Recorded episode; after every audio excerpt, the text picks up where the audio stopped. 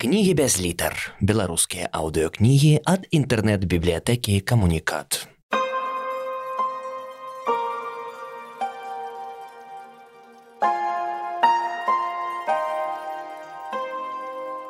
Андрей Федоренко «Дикий лух» Раздел другі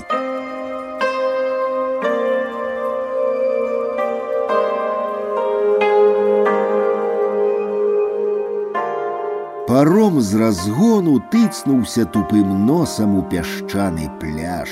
Мужчыны перакінулі на бераг дашчаты насціл, бабуля, ні на кога не зірнуўшы, сышла па ім са сваёй кароваю і пасунулася ў прырэчныя зараснікі, трушчачы ботамі сцябліны белагалову.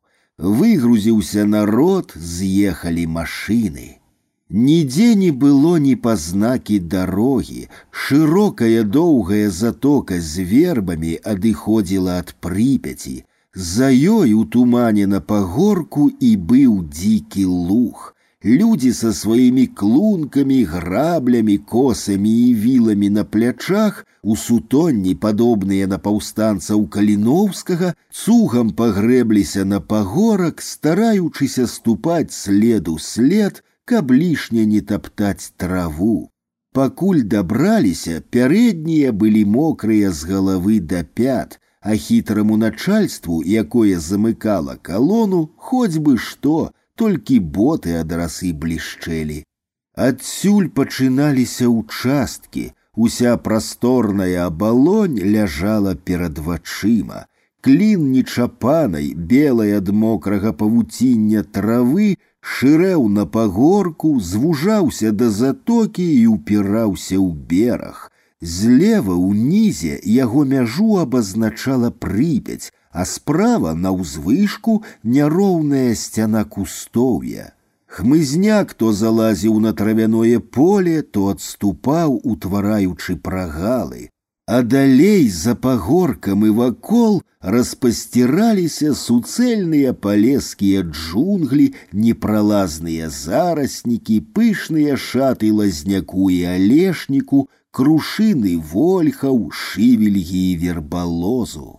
І сярод усяго гэтага бяскрайняга зялёнага прастору рэдка вырэзваліся клінкі чыстай травы, ды яшчэ ўзвышаліся як маякі то там то сям адзіночныя дубы з буслянкамі ў ралах.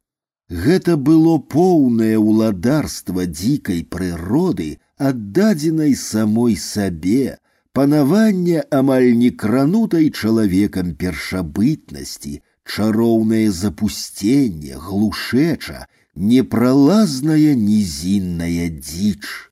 Толькі рака звязвала з цывілізацыяй, і адзіны спосаб сувязі, калі не дай Бог, што здарыцца, было крычаць, гукаць цераз раку, каб прыслалі з таго берага паром ці лодку.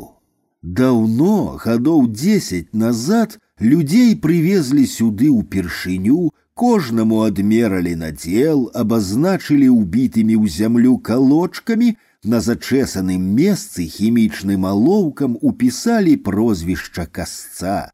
Калочкі даўно пусцілі корні, сталі добрымі вербалозінамі. Ужо не трэба было кожны год прымяраць па-новаму. Кожны ведаў свой куст і свой надзел да апошняй купінкі, як уласныя паплоўчыкі дома ў агародзе. Пакуль людзі звыклы разбрыдаліся і разбіраліся, складвалі клункі, бабы ладзілі шалашыкі з посцілак, мужчыны пастуквалі малаткамі, асаджвалі косы, а который спрытнейшы ўжо і мянтачыў, тры начальнікі таксама не гублялі часу. Адзін паказаў пальцам направа, другі рукой махнуў налево. Трэці прыставіў далонь да ілба, хоць сонца было збоку ад яго і яшчэ не свяціла ў вочы, і на тым місія іх скончылася, завярнуліся і спаважна пайшлі пратаптанай сцежкаю ўніз да парома. Маслоўскі на хаду даў апошняе неабавязковае распараджэнне кулінічу якога яшчэ ў вёсцы прызначыў замест сябе. Ну, глядзіце тут і заспяшаўся следам. Замарочны дзень у яго наперадзе, мітусня, бегатня, кантора, бухгалтэрыя, аднаму дагадзі, з другім падхалімнічай, на трэцяга прыкрыкні, з чацвёртым цераз сілу выпі. А ўсё для людзей, каб грошай больш выцыганіць. Яшчэ цяжкая адрасы трава калыхалася за імі, а мужчыны ўжо шахалі адладжанымі косамі. Трава по пояс, роўная, непераспелая, дажджом і ветрам нездратаваная, косіцца лёгка, толькі чутно. Жых, жых. Фізічная асалода чуць гэты гук, як падсякае танюткая сталь падатлівыя сцябліны, скідвае іх справа налево. Туман апаў на зямлю, роснае павуцінне блішчыць на сонцы. Хоць сонца ўжо добра ўгравае, а паміж касцоў не ўбачыш голага цела. Адзіная вольнасць адкасаць у кашулі рукавы. Маленькія жабкі так і пстрыкаюць з-пад кос, з бліжэйшых дубоў зляцелі буслы і ходзяць кожны за сваім касцом, дзюбаюць недарэзкаў. У перамешку з буслами ззаду бабы з большымі дзецьмі растрэсваюць траву. Меншыя не адыходзяць ад шалашыкаў, аказваецца, ім забаронена нават пазіраць у бок ракі, не тое, што да вады спускацца. Прыпяць такая непрадказальная, што калі захоча, можа ўтапіць нават на сухім беразе, Вось табе і рыбалка, вось табе і чаканы дзікі луг. Хаця, калі шчыра, саміх туды не надта цягне, яны яшчэ на пароме ўбачылі, што гэта сапраўды небяспечная, глыбокая, шырокая вялікая рака, асабліва тут перад упадзеннем у дняпро. Так што цяпер толькі і забаўкі, калі хто з касцоў захоча папіць і яму паднясеш, або знарок па дабрыні душэўнай папросіць прыкурыць папяросіну. Прыкурваеш маці бачыць, а нічога не кажа. Мужчыны косяць зверху ўніз, пакосы доўгія канчаюцца ля самай затокі, под вербами, схаваўшыся ў тень, стаяць машины. Вербы тут такія старыя і тоўстыя, што ў абхваце не саступяць дубам. У трэшчынах іх шурпатай кары лёгка хаваецца далонь.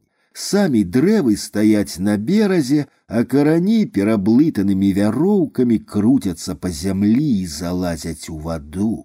Вода каля гэтага берага глыбокая, цёмная, холодная, калі апусціць руку, і чыстая, ні травінкі, нават раскі няма. Затое процілеглы бераг адкаты, нізкі, раскашуе расліннасцю. Ён увесь зарос сітніком, аерам, рагозам, а бліжэй да сярэдзіны трохліснікам, і там на вадзе песцяцца жоўтыя гарлачыкі і незвычайнай белаты буйныя лілеі. І, канечне ж, скрозь і на беразе і ў вадзе знаёмы чарот са сваімі карычневымі і чорнымі катахамі. З яго сцяблін атрымліваюцца неблагія шпагі, на якіх можна біцца, пакуль ліпкі пух не пачне лезці ў вочы і ў рот, казытаць у носе, а яшчэ іх можна, каб падобрыцца да маці, зрэзаць тры-пяць штук і паставіць у слоік на стале прыгожа. Там каля таго берага поўна рыбы і ўздрыгвае ў касца сярэдзіна, калі даносіцца адтуль салодкі плёхат. Але ведаюць з горкага вопыту, нялёгка здабыць прыпецкую рыбку, з-за чаратоў не кінеш ні вудку, ні донку, не ўлезеш з таптухай ці кабылаю, якія прыдатныя толькі для балацянак, копанак, стаўкоў, глыбінёй жабе па калена. А тут трэба адмысловыя снасці, якіх яны нават назваў не ведаюць, толькі бачылі, як мясцовыя ловяць. Застаецца толькі з зайздрасцю на той чаратовы рай пазіраць. Дакошваючы да затокі, мужчыны боўтаюць з берага косамі ў вадзе, а хто спускаецца да прыпяці на пляж, куды прычальваў раніцай паром па свежых і высохлых зеленаватых полосках ціны, як па гадавых кольцах можна вызначыць, якой велічыні бываюць хвалі ў непагаць, ці калі расплюхае іх буксір з цяжкай баржай або пасажырская ракета на сваіх крылах. Тут сярод рознага нанесенага вадой друзу трапляюцца ракавіны, чорныя, цяжкія, а ў сярэдзіне, калі створкі такой расчапіць ножикам, з перламутравым адлівам і з вострым пахам свежай рыбы. Касцы мочаць у вадзе мянташку, шлепаюць ёю па белым дробным пясочку, каб набіўся ў пазы і лепш за любы брусок.